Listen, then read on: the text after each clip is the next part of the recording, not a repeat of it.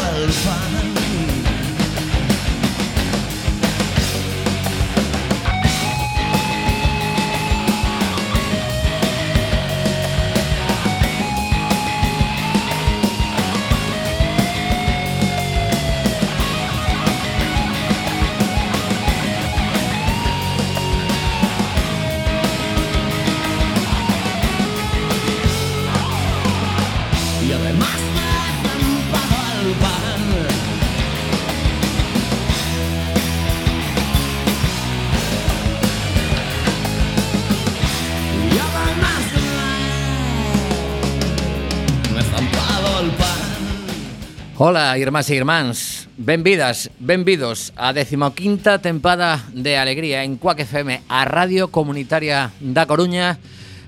Oxe, temos que dicir que o noso patiño ten unha A pois así un pouco mm, reducida porque eh, xa sabedes que o 103.4 non está connosco dende o pasado domingo de madrugada eh, a verdade é que fíxoseme moi raro entrar no coche e vir por primeira vez a Quack sin poder sintonizar en 21 anos e medio as nosas emisións.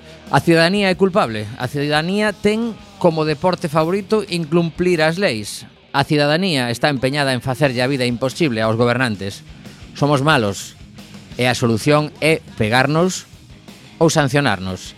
Ante iso, en Alegría, en Quack FM, en 103.4, Estamos encantados de falar, de compartir, de comunicar.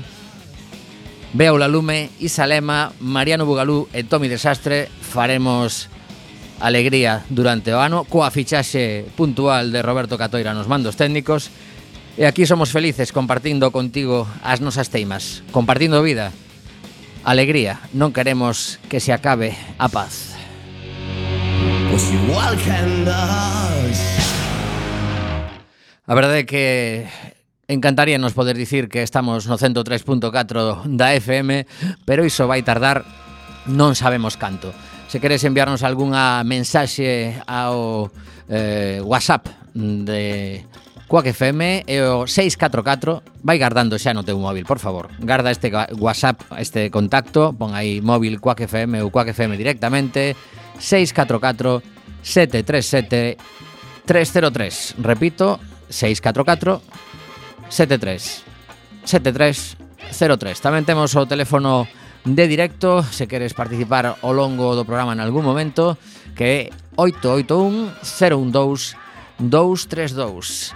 Ainda que pareza increíble, hoxe pois atopámonos tamén cunha nova desas que aos roqueiros eh, fainos especial dano, porque con nada máis que 66 anos falecía de ataque ao corazón supoño que para Tom Petty and the Heartbreakers pues, eh, de alguna forma teña certa lógica que así fose e o bo de Tom Petty pois marchou. A ver se si me dá tempo ao longo do programa de, de escoitar unha canción das súas porque tiña xa a escaleta preparada isto pois quedoume eh, o chollo acumulado. Pero ben, Arraes Areino.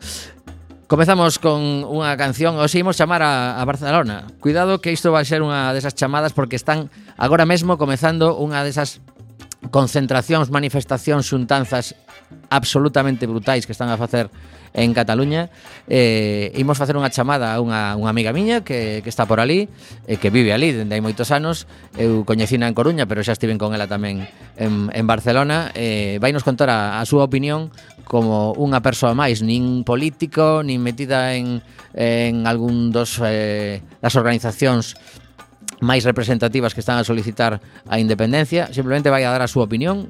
Eu máis ou menos podo intuir polo que lle sigo no Facebook eh, cara onde vai ser, pero creo que a escoitemos, iso será dentro dun ratiño. Polo de agora, escoitamos a Bruce Springsteen cunha canción que fala da radio, Radio Nowhere, E a volta escoitaremos a voz de Isa Lema.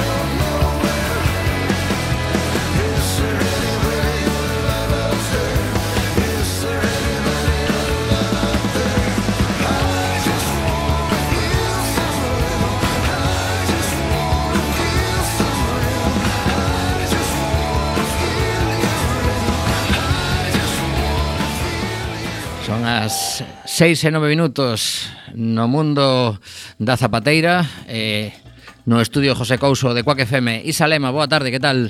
Hola, moi boa tarde, que tal a vos? Como, como levas sí. esa, esa convalecencia? Bueno, bueno Esta, esta levo mellor, levo mellor Levo peor outras cousas, sabes? O peche o peche da FM de Quack pois eh, foi incluso un disgusto maior que o meu accidente. Bueno, que dicirlle, non digo máis, hai non que digo máis. A, aos nosos ointes que, que Isa tivo a mala sorte de, de romper varias pezas do, do pé, de que pé? O dereito o esquerdo? O esquerdo, ainda ver en riba. Bueno, caramba, pois pues nada. Para unha zurda. Xa, xa, xa. Os que son zurdos sabedes que cando nos inmovilizan algo da parte esquerda do noso corpo, pois é unha, unha jodienda total, vamos. Estabas eh, de viaxe por Europa e non sei se si, si cando saes a, a facer eh, traballos de investigación nos que estás metida saen temas sobre como está España.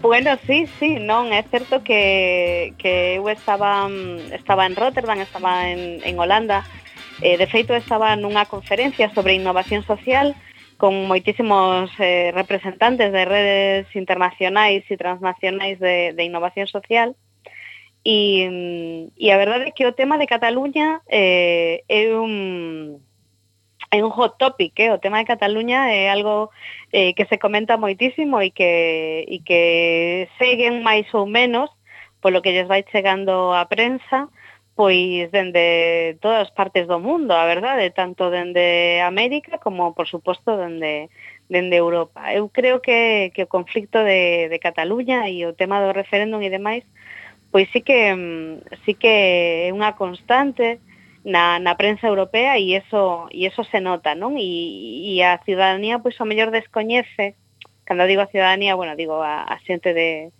de Europa non? e de fora daqui, pois descoñece un pouco como se chegou a este nivel non? De, de enraizamento porque a prensa non só non, non informa tan tan aceitadamente e tan continuadamente como, como se espera, ¿no? Pero, pero claro, todo o mundo está moi sorprendido e, e negativamente sorprendido, ademais, do que, do que está a acontecer en, en Cataluña e, bueno, supoño que, que, que a prensa, polo que estiven vendo así en titulares e demais, de onte a prensa internacional foi moi, moi crítica, non? Co, co, como se xestionou o conflicto domingo. Uh -huh. eh, non sei se si unha das preguntas máis típicas é pero por que se queren ir? Eso, eso é a, o primeiro que preguntan. Ou máis ou no, menos xa o teñen claro, non? Non, non, non, non, non é un tema de por que ou por que non que, senón Eh, claro, depende tamén con quen fales, non? E, e, e o coñecemento que teña do, do que é España como como Estado e como se con, constitui con Estado, non? Que, que, bueno, a perspectiva histórica é importante neste, neste caso, non? Pero, pero bueno, igual que pasa en, eh, pois, eh, non sei, igual que pasaba en Irlanda no seu momento, ou igual que pasaba en en Escocia ou igual que pasa pois en Córcega, o sea, non se cuestiona a vontade da xente de por que se quere ir, bueno, pois non se quere ir, se supón que a xente se quere marchar ou que certa mm, parte de Cataluña se quere marchar, pois porque non está non se sente ou non se identifica co Estado español, non? Uh -huh. Ou, ou simplemente no... porque se sinten eh, pois que, que están aí os veciños de, do resto do Estado, pero eles se sinten moi cataláns eh, con gañas de, de tomar decisións que agora mesmo non poden. Claro, efectivamente, sí. O sea, pero non se cuestiona o dereito de, de autodeterminación, polo menos eh, coa xente coa que, eu, coa que eu me relaciono, coa que eu falo, non se cuestiona, non? O sea, bueno, pues se queren ir, se queren ir, se está. Uh -huh. Pero mm, o que igual sí que tampouco trascende é a, porte, é a porcentaxe real de, de persoas que realmente queren a independencia e demandan a independencia, non?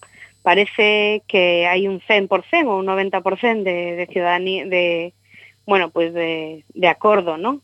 Eh, dentro da ciudadanía catalana de que se queren ir e eso pois non non é certo, ou polo menos ata ata onde eu percibo, non? Pois sí, bueno, pois falaremos eh, con, con esa compañeira e amiga que teño en, en Barcelona dentro dun un ratiño que diguen chamala aproximadamente ás, ás seis e media. De feito xa me dixo que ia, iba a tentar escoitarnos con cascos porque ia a estar en plena manifestación. Leva todo o día eh, moitísima xente que decidiu non ir a traballar que están facendo unha especie de imos de chamar de folga, eh, sí. sí, unha, unha folga mm, sin, sin declarar pero basicamente sí. non, non imos a, a traballar porque estamos na rúa facendo algo máis importante. Eh, eh, a mensaxe que queren enviar eh, díxeme que, que en concreto a seis en punto era cando arrancaba a, a manifestación eh, que tentaría polo menos eh, con cascos escoitarnos e a ver si, si pode desmarcarse un pouco do, do follón para, para que escoitemos e, e nos conte as súas impresións. Pero sí que eh, evidentemente hai moitísimos máis temas en riba da mesa estes días. Eh, simplemente un dos que creo que tanto Isa como si Bea estivese aquí coa Econova pois eh, debemos tratar porque é algo que está mm, saindo estos, estos últimos días nos medios de comunicación é algo que debe preocuparnos realmente porque a, a Nova e toño diante o diario público eh, pero saiu en moitísimos medios. Máis de media Galicia en alerta pola seca falta nos auga. Isa, esta, bueno. isto é pois, algo que chama atención, non? En, a principios de outubro. Eh, bueno, que, que queres que che diga? Eu lembro, eh, a ver, é unha nova, eh, é unha mala nova, pero eh, se somos realistas e analizamos un pouco pois eh, cal está sendo a evolución do clima nos últimos dez anos, pois non é tan extraño que no mes de outubro eh, pois falte auga.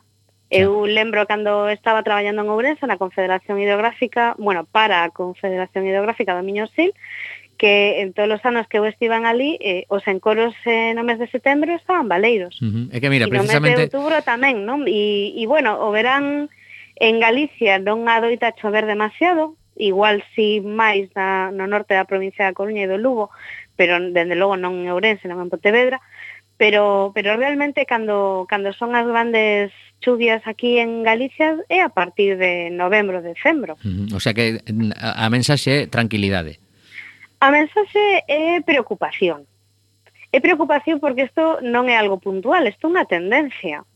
E é unha tendencia que se leva analizando, bueno, os expertos no tema dende hai varios anos a, xa, e eh, o que está o que se está a percibir é un cambio no clima, un cambio no clima que ven orientado, bueno, aí está eh, tanto o IPCC como outras institucións e organizacións non gubernamentais pois están eh, apuntando a que, eh, bueno, pues son as das consecuencias do cambio climático, ¿no? Uh -huh. Este aumento do calor, esta, esta disminución das choivas, e sobre todo pois un cambio eh, en cando eh, está a chover e en como vaya a chover. Y isto, pois, Galicia ten que adaptarse. Pois mira, precisamente... Ten que adaptarse a isto e, ademais, eh, o que ten que facer, o que temos que facer tamén como cidadáns e como, eh, e como goberno, ¿no? como, como as, as administracións públicas neste caso, o que teñen que facer é poñernos as pilas e decir, bueno, isto hai que pararlo de alguna maneira, ¿no? Sí, o que pasa que doado non, non se mella facelo. De feito, eh, comentaba que xusto lembrei aquela etapa túa na, na Confederación Hidrográfica Miñosil, porque precisamente sí. a nova que, que teño diante comeza así. A Confederación Hidrográfica Miñosil decretou esta mañá o estado de alerta por seca. Tamén o fixo a demarcación Galicia Costa en seis das súas 19 concas. En concreto, Trátase das dos ríos Verdugo, Baíña e Lagares, o sistema U, bueno, unha serie de, de ríos, sí. tamén pois, eh, na zona do río Sallas e no río C, que é o sistema 7, eh, o sistema 12 está na ría de Betanzos, a verdade é que, que chama a atención incluso que, que as costas... Eu mm, quería comentar tamén que é algo que mm, é unha sensación posiblemente miña, pero eu que normalmente eh, era case incapaz de bañarme no Atlántico, este ano case todos os días, non, minto, todos os días que fun á praia, puiden bañarme sin demasiado eh, tempo de espera para, para meterme na auga porque estaba relativamente bastante boa. Ainda este mesmo domingo pegueime un baño no, no sur de Galicia e estaba moi boa a auga. Non sei se iso tamén está influindo no, no cambio climático que cambie o Atlántico de temperatura. Home, sí, se sí influe, pero non creo que agora mesmo tío podas percibir. Ajá A cuestión é que é normal que en setembro haxa unha moi boa temperatura da auga, pero iso débese sobre todo a unha percepción que ti tes, porque fora non hai tanto calor. Pode ser. Bueno, o domingo facía de, facía de calor. non, non había queixe, pero bueno.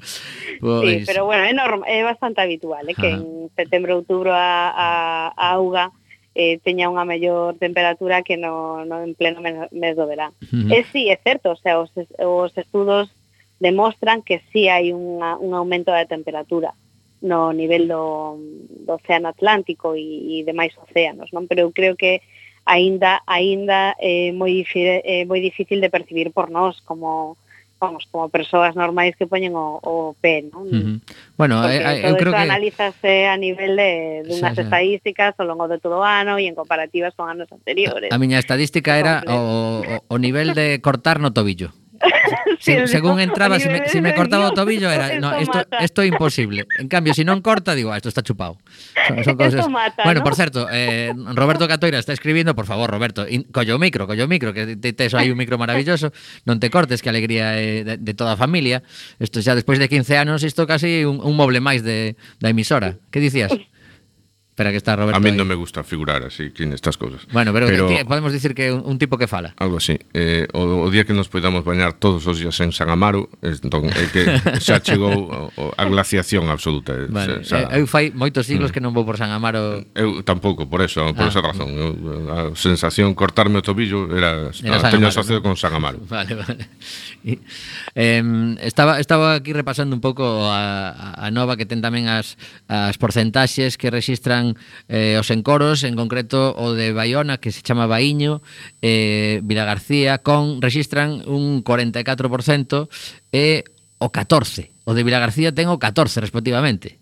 O sea, sí. perdón, respectivamente porque están dando os dous, pero chamou a atención que o embalse de Con en Vila García ten o 14% de auga. Isto sí que xa sería para mosquearse un pouco. Non sei se consumiron demais todos os turistas que tivemos no verán ou é que hai realmente un problema grave, claro. Pois posiblemente esas son varias cousas, non? Primeiro, non chove todo o que tiña que chover, o que adoitaba chover.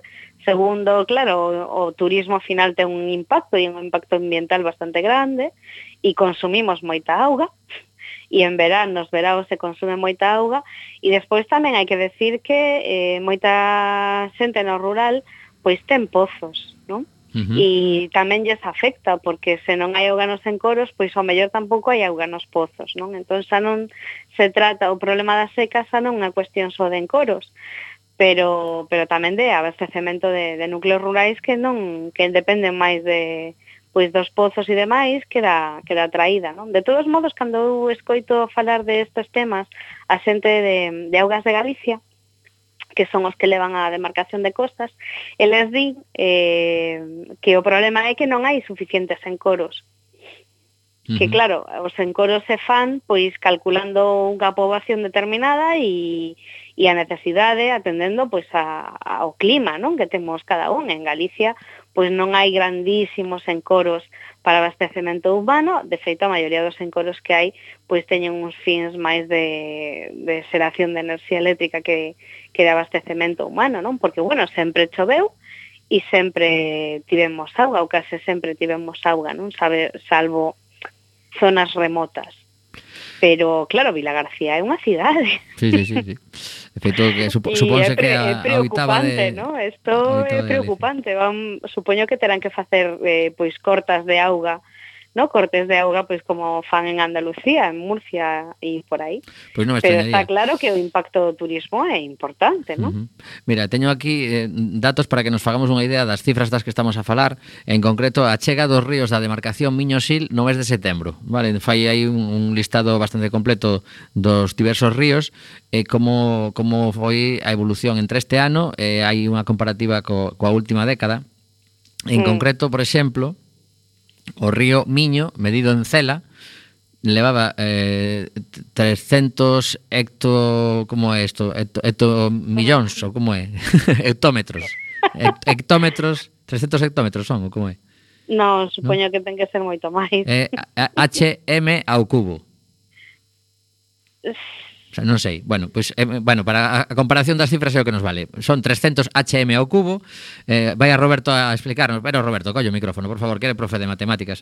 Iso ten que notarse. Bueno, total, eh Metros so, cúbicos. Son hectómetros cúbicos. Eh, hectómetros Debería cúbicos. ser eh, a medida sí, máis vale, habitual, vale. que son un porrón de, metro, bueno, pues, de pois, litros de agua. Adiós. Pois pues para que vos fagades unha idea, eh, 300 este ano, eh, a media da última década era 800 en Arenteiro, no Carballiño, 42 este ano, 120 na última década. En Tea, en Ponteareas, 200 con respecto aos 500 habituais. Eh, 60 en Limia, en Ponteliñares, eh, e, claro. e, se, e 290 era na última década. Despois, por exemplo, por dicirvos un, un río concreto no que temos tres, tres datos, por exemplo, o, o río Castro en C, 24 eh, este ano, 30 o ano pasado e 315 en 2015. Que barbaridade. Claro. e que, bueno, hai anos que chove máis e anos sí, que sí, chove sí. menos. Pero unha cousa que, que hai que aclarar tamén é que os ríos, eh, o caudal dos ríos non depende só do que chove que sí depende do que chove, pero tamén depende, por exemplo, da do frío que teñamos, non? Dos, dos días de frío que teñamos, porque moitos dos ríos eh, dependen dos, dos nebóns, depende de que haxa neve nas montañas, de que haxa neve nos montes. Uh -huh. Entón, si cada vez hai menos frío, cada vez temos menos días de neve, cada vez temos menos neve, pois cada vez menos caudal, menos auga vai che, van chegar os nosos ríos. Entón, ese é un problema tamén, non? Que do, e unha consecuencia do, do cambio climático, do, do calentamento do quecemento global, e é que cada vez temos unha temperatura moito máis suave. Uh -huh.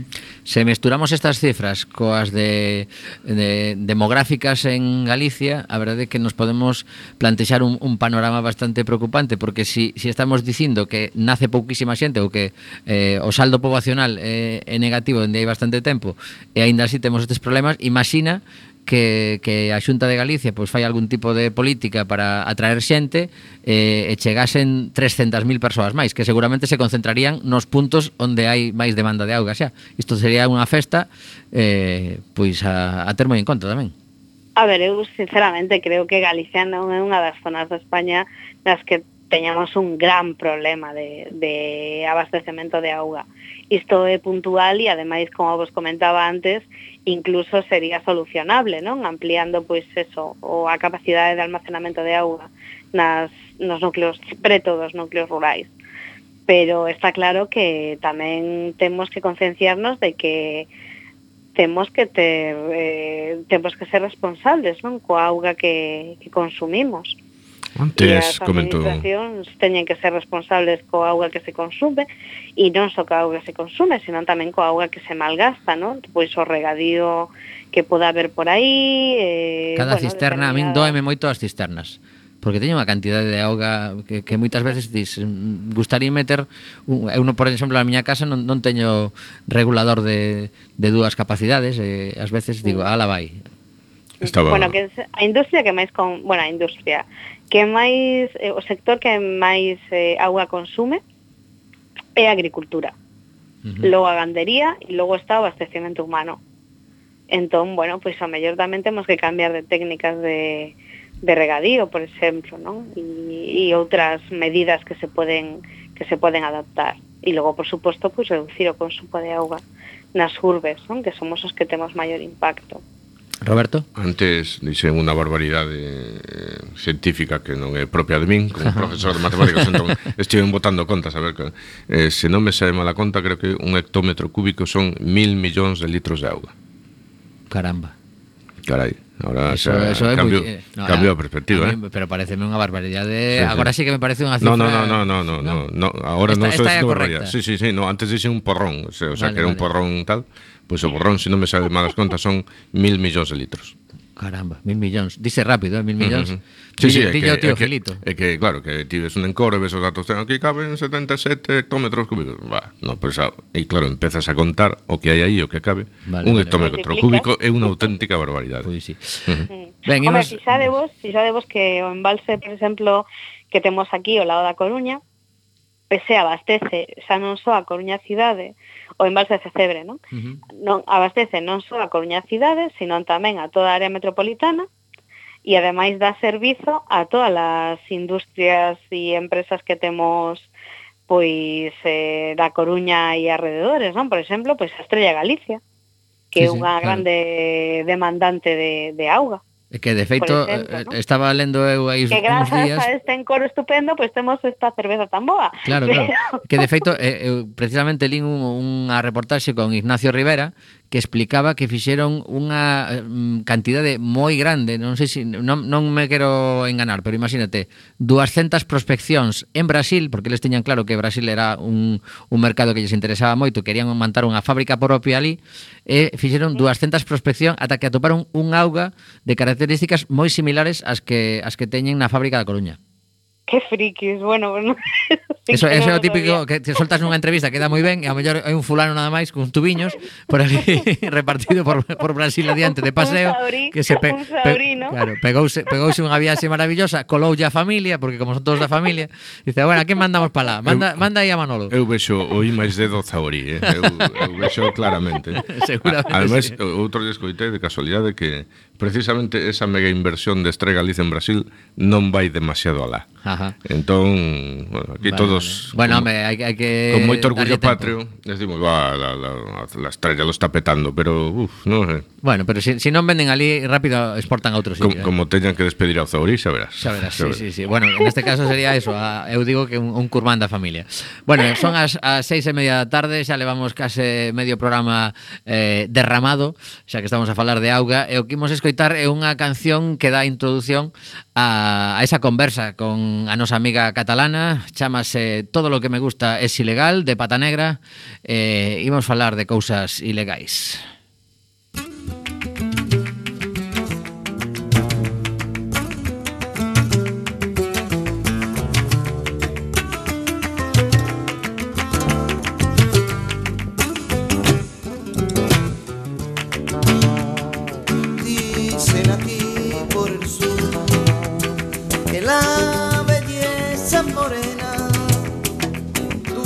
Dulce como la canela, la menta y el oro sur, que quita toda la pena. Todo lo que me gusta es ilegal,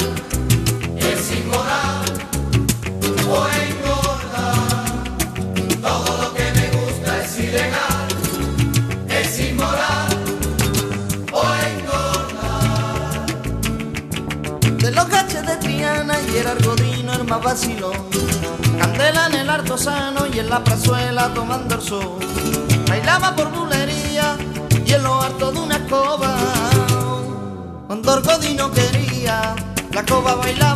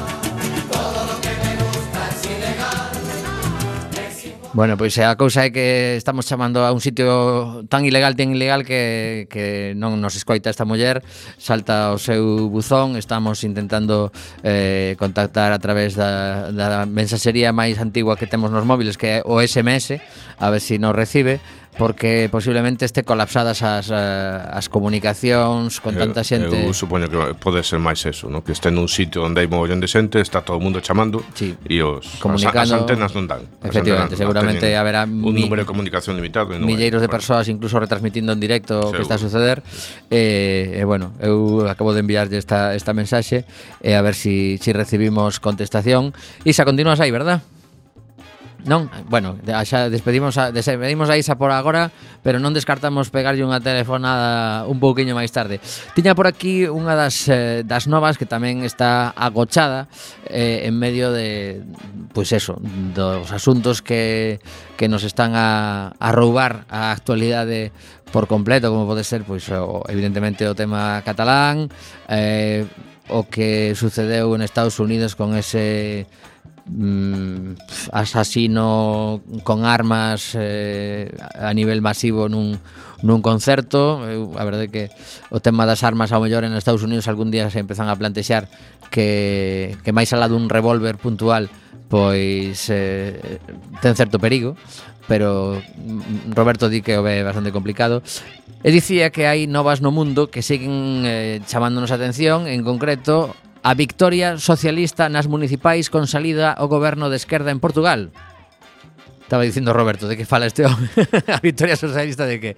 Bueno, pois pois eh, en concreto nos conta David Lombao en Praza que o goberno de esquerda en Portugal sae consolidado do seu primeiro reto electoral. O acordo entre o Partido Socialista, Partido Comunista e Bloco de Esquerda desbancou en 2015 o conservador Pedro Pasos Coelho e situou ao primeiro ministro ao, como primeiro ministro ao socialista Antonio Costa, que tras os primeiro ano de mandato xa se puso ao fronte dos inquéritos de intención de voto. Tendencia que se consolida en detrimento fundamentalmente do dereitista PSD, o partido irmán do Partido Popular Español, aínda que tamén lixeiramente doutros eh, partidos máis á esquerda. Este é un de outubro, o Pacto de Esquerda eh, alcumado polos seus detractores como Geringoña, eh, Gerin, perdón, Geringonza, pois tiña unha proba que resultou especialmente exitosa para quen o lidera, o Partido eh, Socialista.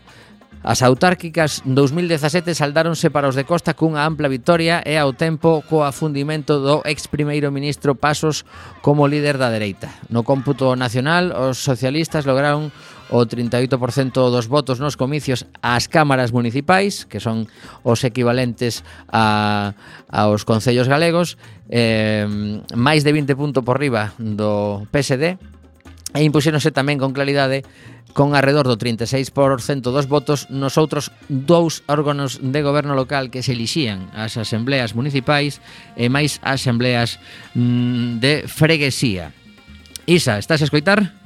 Estou, estou, Sí. Recuperamos. Pois nada, estaba falando dos veciños de Portugal que este, este ano xa comentei en alegría cando andiven por ali no mes de maio que viña mar maravillado da organización dos eventos culturais nos que estiven e eh, gústame de cando en vez pois seguirlle a pista porque realmente chega bastante pouca información do que sucede nun, nun país que temos tan preto eh, estiveron de eleccións importantes. Pois a verdade é que eh, concordo contigo en que mm, o tema do referéndum de, desta fin de semana en Cataluña, que levamos dous meses saturados informativamente de, de iso, pois nos agochan eh, outras novas interesantes, non? Eh, lembro cando foi o tema de Portugal e as eh, segundas eleccións que houbo para escoller a, ao goberno e demais que, que na prensa algúns decían que isto era un experimento con gaseosa, non? Que ia sair pois como a, cando aquel tripartito en Cataluña que tan mal rematou ou incluso pois lembramos o bipartito eh, dende o 2006 a 2009 en Galicia, non? Que tamén acabaron un pouco como o Rosario da Aurora e que a xente despois pois des, descastigara. Pois neste caso, pois parece que os portugueses eh, fixeron unha boa elección, non? E que bueno, pois os representantes dos tres políticos eh, dos tres partidos políticos que agora están gobernando, pois están eh, levando bastante ben, non? Porque uh -huh. se a ciudadanía eh, te apoia, pois iso, iso a verdade que, é que reforza, non? O, neste caso, pois, eh, o tripartito, uh e, e sobre todo o liderazgo desta, desta xente, non? Que son, uh -huh. algúns son caras novas, eh, eh eu non lembro sinceramente a última vez que, que puido gobernar o Partido Comunista en Portugal, pero algo así como en España, non? O sea, era moi residual a cousa e sin embargo, bueno, pois pues, eh, o voto de protesta eh, en Portugal non hai pois eh, unha marea, non? Ou un Podemos como, como pode haber en España, pero o voto de protesta o que sí que fixo foi que que bueno, que estes tres partidos sean capaces de gobernar, non? E iso unha situación tan complicada económicamente falando como era a portuguesa, que ademais están conseguindo re, reconducila, eh, pois é moi positivo, non? Eu mm. creo que, que se o país veciño mm, de aquí ao lado lle vai ben, a nós tamén nos vai ir ben, non? E a Europa lle vai ir ben. E alégrome de que lles vaya ben, e además que lle vaya ben, pois dunha maneira diferente de facer política, porque parece que aquí só se fai política cando eh, pois existe unha maioría clara, aplastante e, e, e cando non é, neces non é necesario pois eh, facer e construir e dialogar co resto, non? Uh -huh. Eu non sei, en España estamos como moi acostumbrados a iso, non? A maioría absolutas onde pois o goberno fai o que lle dá gana vía decreto lei e o Parlamento está un pouco así de comparsa. No. Pois alégrame, alégrame que en que en Portugal pois as cousas vayan, vayan uh -huh. ben. En, en 2016 eh, estiven pois pasando dous ou tres días en, en Porto eh, fixen a típica eh, visita guiada a pé por un, un portugués que aprendeu español basicamente eh, a base de, de ver películas nos contaba, sí, nos pedía nos pedía que lle désemos máis pelis para ver para seguir aprendendo eh, e comentaba que, que a xente estaba moi moi enganchada co alcalde que tiñan en Porto pola súa forma de ser, porque falaba con todo o mundo, porque era eh, pois un, un político diferente, un pouco que podemos agora estar vendo aquí cos, cos alcaldes do cambio que se lle chama. Eh, leo aquí na nova de, de Praza que Lisboa mantense como emblema do poder local do Partido Socialista, mentres que no Porto o independente Rui Moreira, que este home de que vos estou a falar, reforza o seu poder o seu poder cunha maioría absoluta. Ui. Caramba, eh? que, que teñas unha única referencia dunha persoa coa que vas dando un paseo pola cidade. Tamén é certo que este home tentou levarnos por sitios menos eh, turísticos do habitual, vale? Achegounos a algún sitio no que había pois uns grafitis dos que falou eh, con calma porque dicía que era un dos proxectos que, que puxera en marcha o, o goberno de Porto de falar cos artistas locais para que as paredes que estaban feitas pois bastante unha porquería tomasen vida eh, lembrou unha, unha, un grafiti chulísimo de Don Quixote que foi onde nos contou un pouco esta historia eu aproveitando o paseo dese sitio ao seguinte pois foi onde onde tirei do fío para saber algo máis sobre o que estaba a acontecer por ali. Entón, eu despois de, eu despois de xa como, non sei, 15 anos ou 18, unha cosa así, eh, pois facendo análises políticos, sí que teño que decir que, que estou completamente convencida de que unha cousa son as eleccións municipais e outra cousa é eh, o sentir xeral a nivel político do, do país, non? Uh -huh porque non sei, nós vivimos rodeados de circunstancias moi peculiares, non? Temos aquí ao lado eh, pois o Concello de Oleiros, que está gobernado por un eh, alcalde dende hai moitísimos anos, non? Eh, o liderazgo de Gelo é absolutamente indiscutible, que é un tipo que, bueno, que, que se define como comunista, pero que logo pois a nivel cando hai eleccións autonómicas galegas e cando hai a nivel eleccións eh, xerais, pois eh, o Concello de Leidos vota maioritariamente o Partido Popé, do Partido Popular, non? Sí. Entón, bueno, este é un exemplo de que, eh, claro, cando os cidadáns vamos votar, vamos votar pois un pouco ao partido que que nos representa, non? Que representa máis aproximadamente os nosos valores, pero por outro lado temos cando é unhas eleccións locais É moi importante a figura, non? O, os liderazgos locais son moi importantes. O que me comentas ti de, de Porto, pois non me extraña en absoluto. E, e isto, pois, posiblemente, eh, no contexto local é máis fácil que ocurra, non? É moi difícil que aparezca unha persoa independiente de calquera partido político e de repente pois eh, arrastre e convenza unha maioría do país ainda que Portugal é un, é un país con pouca población, non? En poboación, en en comparación con España, ¿no? Pero un efecto Pablo Iglesias é moi difícil de, de acadar a nivel europeo non, non estamos acostumbrados a ver isto, non?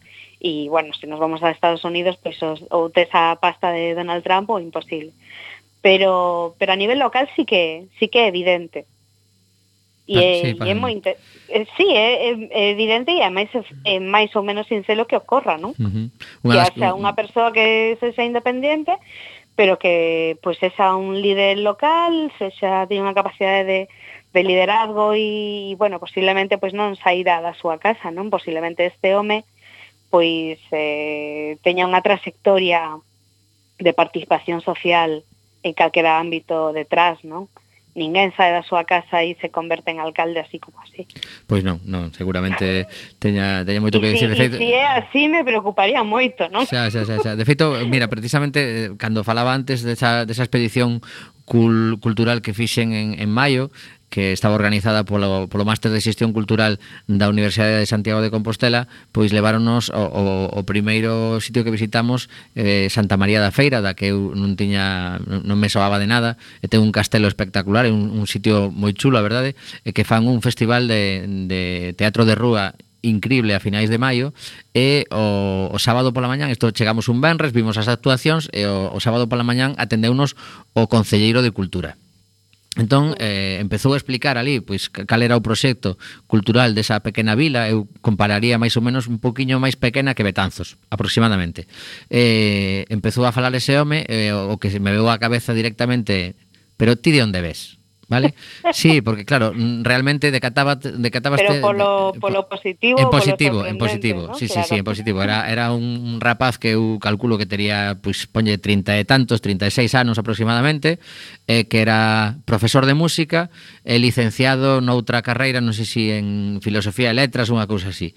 Entón, eh, de algunha forma tiña na súa cabeza pois eh, como quería organizar iso e ademais nos dicía, claro, eu chego aquí con este este festival En concreto xa mm, ten unha trasitoria moi longa, pero pero hai unha serie de cousas que estamos implantando nós nas que confiamos a medio prazo e hai un consenso eh, co, co resto da corporación, aínda que non sexa do noso mesmo partido, pódese falar con eles, estamos chegando a acordos e hai mm, pois oposición razoable que moitas veces é fundamental para poder avanzar, sobre todo en, en lugares pequenos, claro. Hombre, no, e en, en pequenos e en grandes, é que hai proxectos que, que si non son compartidos por todos non saen adiante, porque ademais os proxectos importantes eh, se mantellen ao longo do tempo e teñen que manterse ao longo do tempo, non? E, a, e cada 4 anos pois pode ocorrer que o goberno cambie, non? Eu, o comentas, por exemplo, eh, hai moitísima a nivel a nivel internacional a cidade de Vitoria, é un referente de, de xestión urbana sostible. Uh -huh. Igual que Pontevedra tamén. Igual que Pontevedra, pero a cidade de Vitoria a diferencia é que nos últimos 15 ou 16 anos tivo catro alcaldes distintos. E os catro alcaldes foron de catro partidos diferentes distintos. Caramba. Pero, sin embargo, a xestión ambiental e o compromiso coa sustentabilidade e coa mobilidade sostible desa cidade é compartida por absolutamente todos. Uh -huh. Desde alcaldes do Partido Popular ata alcaldes do Partido Socialista e agora do PNV, bueno, agora en Vitoria hai un multipartito. Uh -huh. Aí gobernan seis ou sete, unha cousa Caramba. así. Que, bueno, sí, hai un todos contra el PP, un uh -huh. rollo un pouco extraño, pero bueno, aí están. Pero, eh, bueno, pois pues hai un consenso de que a cidade pois ten que ser máis sustentable e hai un mm. consenso porque tamén a cidadanía o exixe. Oye, pois, eh... pero vamos por libre. E cando comentabas algo de, de Betanzos, pois é que xustamente Betanzos é o exemplo de que, do que non se debería de facer, non? Ou un exemplo de, de como tes un recurso tan increíble e único como eh, o Parque do Pasatempo, non? e que, sin embargo, pois non sesas capaz de aproveitalo, sí. e non sesas capaz de, de crear unha serie de actividades e unha identidade propia da, da vila atraínte, ademais. Sí, sí, sí. sí porque eh, é o típico... Empregando que, eso que é absolutamente único. Semella, se, semella doado de vender tortilla máis pasatempo. Eso é unha bueno. combinación maravillosa. É que é increíble, eu que sí, sei, sí. eu estive en Stonehenge, en Inglaterra. Uh -huh. E vale, e son Minte pedras. Xa, xa, xa, xa. No medio do monte, sabes o que te digo? Sí, sí, sí, que, que hai que saber vender as cousas, un, un clásico que dicemos tantas miles, veces. miles de millóns de persoas que pasamos por ali en plan gilipichi sí, sí. para por, ir por a... Por non falar, por exemplo, das, das granxas de queixo en Holanda, que ti vas no autobús e te paran ali a, a enseñarte co, como as vacas eh, eh sai sí, o leite. Tal. Sí, sí, sí, é así. Aquí... Eh, non me fales de Holanda, pero vale, sí, vale. efectivamente. Bueno. E muiños e tal, e que está guai, ¿no? Pero que, que temos o pasatempo aquí ao lado que é algo único. Pois é sí. increíble e sin embargo, pois eh, está caéndose. Imos eh, escoitar unha canción, non quero deixar o, o programa de hoxe sen, sen que soe a voz de, de Tom Petty, aínda que trouxen con, con ese proxecto colectivo que tivo que era os Traveling Wilburys, onde que estaban tamén eh, Roy Orbison, Bob Dylan, eh, George Harrison, Jeff Lynne, bueno, unha, unha banda de, de chavales que, que fixeron cancións moi chulas, eh, titúlase On, End of the Line, co cal eu creo que, que pega para un día como hoxe con Tom Petty. Eh, durante a canción intentaremos por última ocasión falar con, con Idoia nesa manifestación que, que nada, saltou o contestado tres veces, debe estar todo colapsado en Barcelona, eh, creemos que vai ser imposible,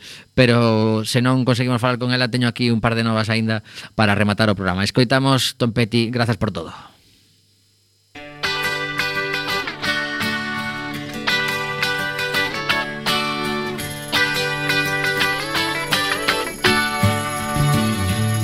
Well, it's alright.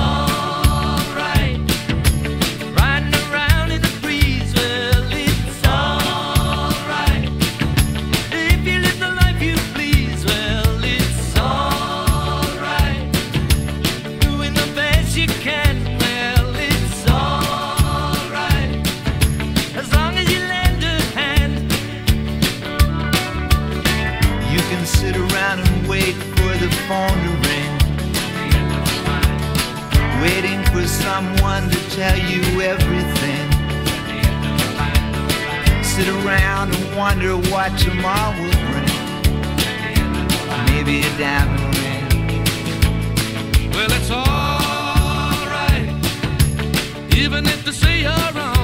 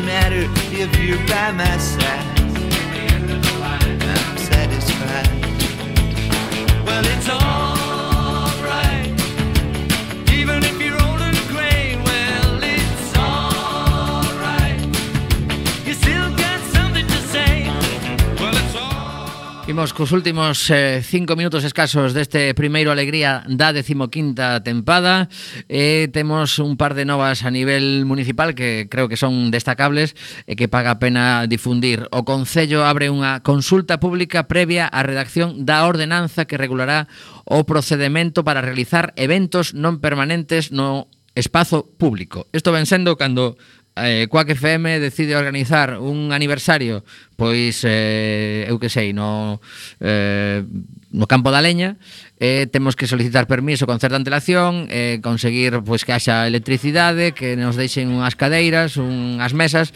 Eu mandei xa as miñas propostas, en concreto que os, os puntos máis habituais de cada barrio nos que se fan cousas que teña xa unha instalación eléctrica permanente, porque isto eh, a xente non o sabe posiblemente, pero hai, hai un par de empresas que, que se contratan cada vez que pasa algo na rúa, ou nunha praza ou calquer tipo de evento que cobran unha pasta moi considerable é que teñen case case un duopolio. Eh, neste caso poderíamos aforrar tanto o Concello, porque moitas veces é o Concello que subvenciona esa instalación eléctrica, como a veciñanza, pois cando é o que a organizadora, pois neste caso sería a CUAC, por exemplo, a que ten que pagar iso, cousa que xa non sucedeu no 15º aniversario cando fixemos ala polo campo de Marte. Entón, pois eh, entrade na, na páxina web do Concello e buscade mm, pois eh, esta, esta nova, está en outras novas, e podedes podedes tentalo. E despois chegou unha información a Quack FM sobre o resultado da, eh, da participación da xente nos orzamentos municipais.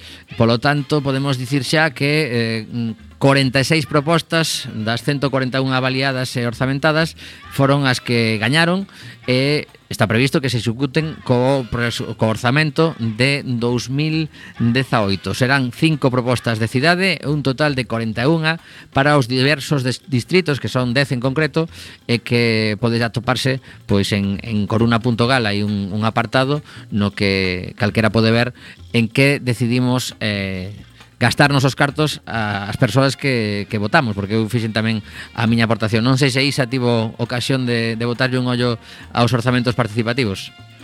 Eh, bueno, sei que había un proceso que este ano ademais eh, o ano pasado foi unha especie de, de, de primeira proba, non? E, uh -huh. e se sacara un millón para, sí, sí, sí. para repartir. Este ano foron tres, que xa é unha cantidade máis interesante. Uh eh, e a verdade é que non tiven a oportunidade de, por diferentes razóns, non tiven a oportunidade de, de votar porque yo sé que me registrei e todo, ¿eh? pero, uh -huh. pero ao final se me foi o tempo e non tiven a oportunidade pues... de votar, pero a verdade é que estou me gusta moito o proxecto de, de orzamentos participativos, bueno, unha iniciativa que leva 20 anos funcionando en, en 200 países do mundo, o sea, non é algo sí, sí, sí. Eh, ultra novedoso, pero eh, non deixa de ser pois aplaudible, sí. non? No Ademais... senso de que, bueno, pois eh, é certo que nunha democracia representativa ti escolles aos teus eh, os que queres que sexan os gestores do, do erario público e ademais, bueno, pois pues, hai personal funcionariado que toma decisións estupendas, uh -huh. pero tamén a ciudadanía ten que implicarse en cara o que falábamos antes do consenso sí, sí. cidadán, non? Pois a ciudadanía tamén ten que implicarse Deixame... E debe ter a oportunidade de, de tomar decisión sobre esto, non? Sí, nos quedan 30 segundos exactos e hai que dicir unha cousa que, que foi curioso. Chegou tamén a Coac FM unha mensaxe mm, da Asociación de Veciños do Barrio das Flores, porque foron os que máis cartos e máis iniciativas presentaron este ano. Entón, se congratulaban porque eles fixeron campaña para que a, a, a veciñanza a veciñanza de Barrio das Flores fixera moitas Qué propostas bueno. e, e ao final foron os que se, se elevaron para o barrio a, a máis dos cartos cartos que lles correspondía a cada distrito, pois aos cartos xerais. Ímonos xa, bicos, ata a vindeira semana. Chao, chao, chao.